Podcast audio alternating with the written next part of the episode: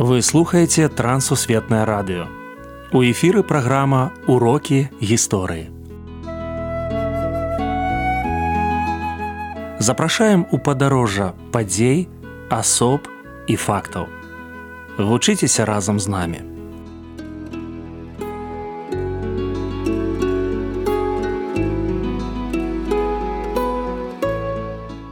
Добры дзень паважаныя сябры ля мікрафона сяржук брышцель і кандыдат гістарычных навук Андрусь уночак.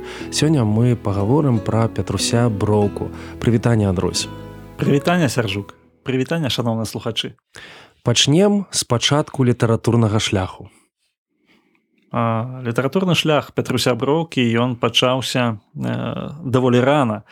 Ён увогуле нарадзіўся на віцебшчыне ва вушацкім раёне сучаснай віцебскай вобласці вёска пуцілкавічы. Ён быў чалавекам які самага пачатку самага дзяцінства пачаў складаць вершы. Першыя былі яго вершы даволі такія недасканалыя як ён сам казаў. Але ўжо у падлеткавым узросце фактычна у канцы падлетка ўзросту ён стаў пісаць усё больш пісаў у газетах спачатку публікаваўся а пазней уступіў літаратурнае аб'яднанне маладняк. І вось якраз маладнякоўскі перыяд і стаў пачаткам яго паэтычнай творчасці. Ён паэт. Як паэт выдаў шмат зборнікаў і на працягу сваёй літаратурнай творчасці вось служыў гэтай паэзіяй тым ці іншым мэтам. Частка ягоных вершаў вельмі такая камуністычная можна сказаць яны э, праслаўляюць той лад а частка вершаў яна вельмі лірычная і яны глыбокія і яны вельмі сур'ёзна паказваюць у розны стан душы чалавека розныя ягоныя настроі і перадаюць сапраўды тую эпоху якую ён жыў. Паэма мама і вайна у ягонай паэзіі вось вайна вайна з нацызмам яна адбілася вельмі моцна. Я нагадаю вось пра трагічны лёс ягонай мамы. Яна загінула ў асвенцамі ўжо ў 45 годзе у самым канцы вайны. І яна не павінна была гінуць але яна пайшла ў газавую камеру замест адной дзяўчынкі.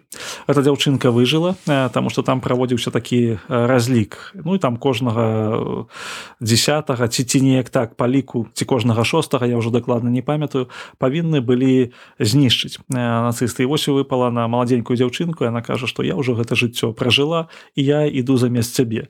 І вось гэта адлюстроўвалася ў шматлікіх вершах і ў паэме петруся броўкі. Ён да самага свайго скону ён успамінаў пра маму пра яе лёс і пра яе сэрца. Ось гэта сэрца мамы для яго было вельмі важным таким пуцяводным агеньчыкам у жыцці. Беларуская энцыклапедыя Петрусь броўка ён быў не толькі паэтам але ён быў яшчэ і арганізатарам беларускай навукі. У 1967 годзе калі святкавалася 450годдзя беларускага кнігадрукавання ён засноўвае рэдакцыю і выдавецтва беларускай энцыклапедыі. Ну першае што ён зрабіў гэта тое што беларуская энцыклапедыя павінна выдавацца па-беларуску ён аб'ядноўвае вакол гэтага праекту вялізны калектыў. 5000 аўтараў.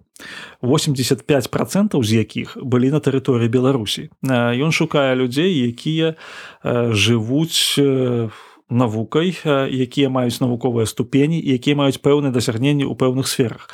Ну анцыклапедыя 12 тамоў каля 35 тысячаў артыкулаў. Гэта вялізная такая праца і фактычна увесь свет увесь універсум па розных навуках яны апісаныя па-беларуску. Яна выдавалася на працягу 6 гадоў з 1900 69 до 1975 году. Удзельнічалі фактычна самыя розныя установы акадэмія навук універсітэты. і завяршэнне гэтай энцыклапедыі яно прысвечана менавіта беларусі. Найбольшая колькасць артыкулаў гэта 6000 артыкулаў толькі па гісторыі беларусі і па гісторыі культуры беларусі. І яна паказвае тое што вось наша навука значна прасунулася наперад. І заслуга ў гэтым безумоўна петруся броўкі які за гэтым стаяў там што ён займаў высокія пасады старшыня саюзу пісьменнікаў старшня праўлення саюза пісьменнікаў ён быў член ЦК КПБ ён мог у чыноўніцкіх кабінетах гэта ўсё прабіваць збудавалі спецыяльны будынак для гэтага выдавецтва. І беларуская энцыклапедыя стала рэальнасцю паэт і чыноўнік цікавы момант як спалучалася ў яго ўсё. Ну пачнём з ягона працоўнага дня большасць працоўнага дня ён займаўся справамі якія ніякім чынам не тычыліся паэзіі. Ён займаўся выдавецтвамі розна ён быў галоўным рэдактарам полымі яшчэ часопіса на працягу вось даволі доўгага перыяду.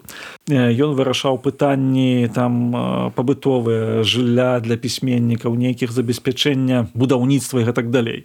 Але для паэзіі быў адведзены яго пэўны час. Гэта час з сямі да 9 гадзінаў раніцы.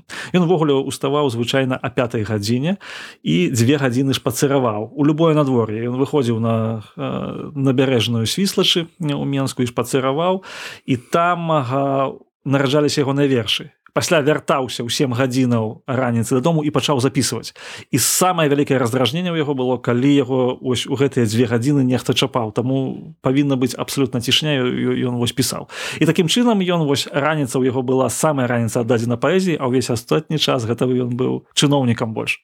Наша памяць пра петруся броўку у першага ў музеі петруся броўкі мемарыяльны музей музей кватэра там дзе ён жыў там дзе ён напісаў свае шматлікія творы шматлікія вершы і сапраўды ў яго ёсць добрыя вершы. Ён у гэтай кватэры сабраў вялікую бібліятэку сваю і на сённяшні момант вось гэта працуе гэты музей які можна наведаць. Ён знаходзіцца на вуліцы карла маркса ў менску і там захавалася вельмі шмат аўтэнтычных рэчаў з ягонага гардэробу з ягонай бібліятэкі пісьмовы стол ягоны працоўны кабінет. Ну яго як у прадстаўніка номенклатуры была вялізная кватэра таму нават ёсць там магчымасць там праводзіць нейкі канферэнцыі таму што сапраўды гэта кватэра у адным з нешматлікіх дамоў які былі пабудаваны яшчэ у пачатку два стагоддзя да рэвалюцыйных. Хацеў бы таксама прывесці нейкія радкі якія ён напісаў. Ось мне падабаецца яго на верша ты ідзі што дарог у свеце вельмі многа сярод якіх сваю знайдзі няхай далёкая дарога а ты ідзі а ты ідзі. І вось гэты такі шлях петруся броўкі ён паказвае тое што нягледзячы на самыя крутыя жыццёвыя перапіты ён перажывы рэпрэсіі і ўсё астатняе ягоныя сваякі па жонцы былі рэпрэсаваныя але ён ну неяк ішоў у гэтым сэнсе.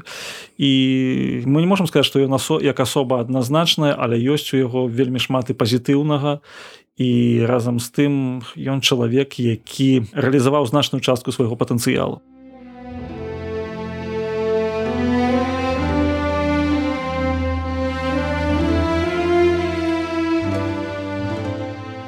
Пятрусь броўка буйны прадстаўнік літаратуры сацыялістычнага рэалізму. Акадэмік акадэміі навук заслужаны дзеяч навукі народны паэт бСр ганаровы грамадзянін ушач і мінска Наш гістарычны госць доўгі час знаходзіўся ў эпіцэнтры літаратурнага жыцця краіны. Няхай словы аднаго з яго апошніх вершаў будуць кропкай размовы, а таксама працягам карыснай дзейнасці. Жыццё складанае бясконца і шчасця шмат, нямала і ран, у кожнага ў вачах ёсць сонца і свой у грудзях акіян.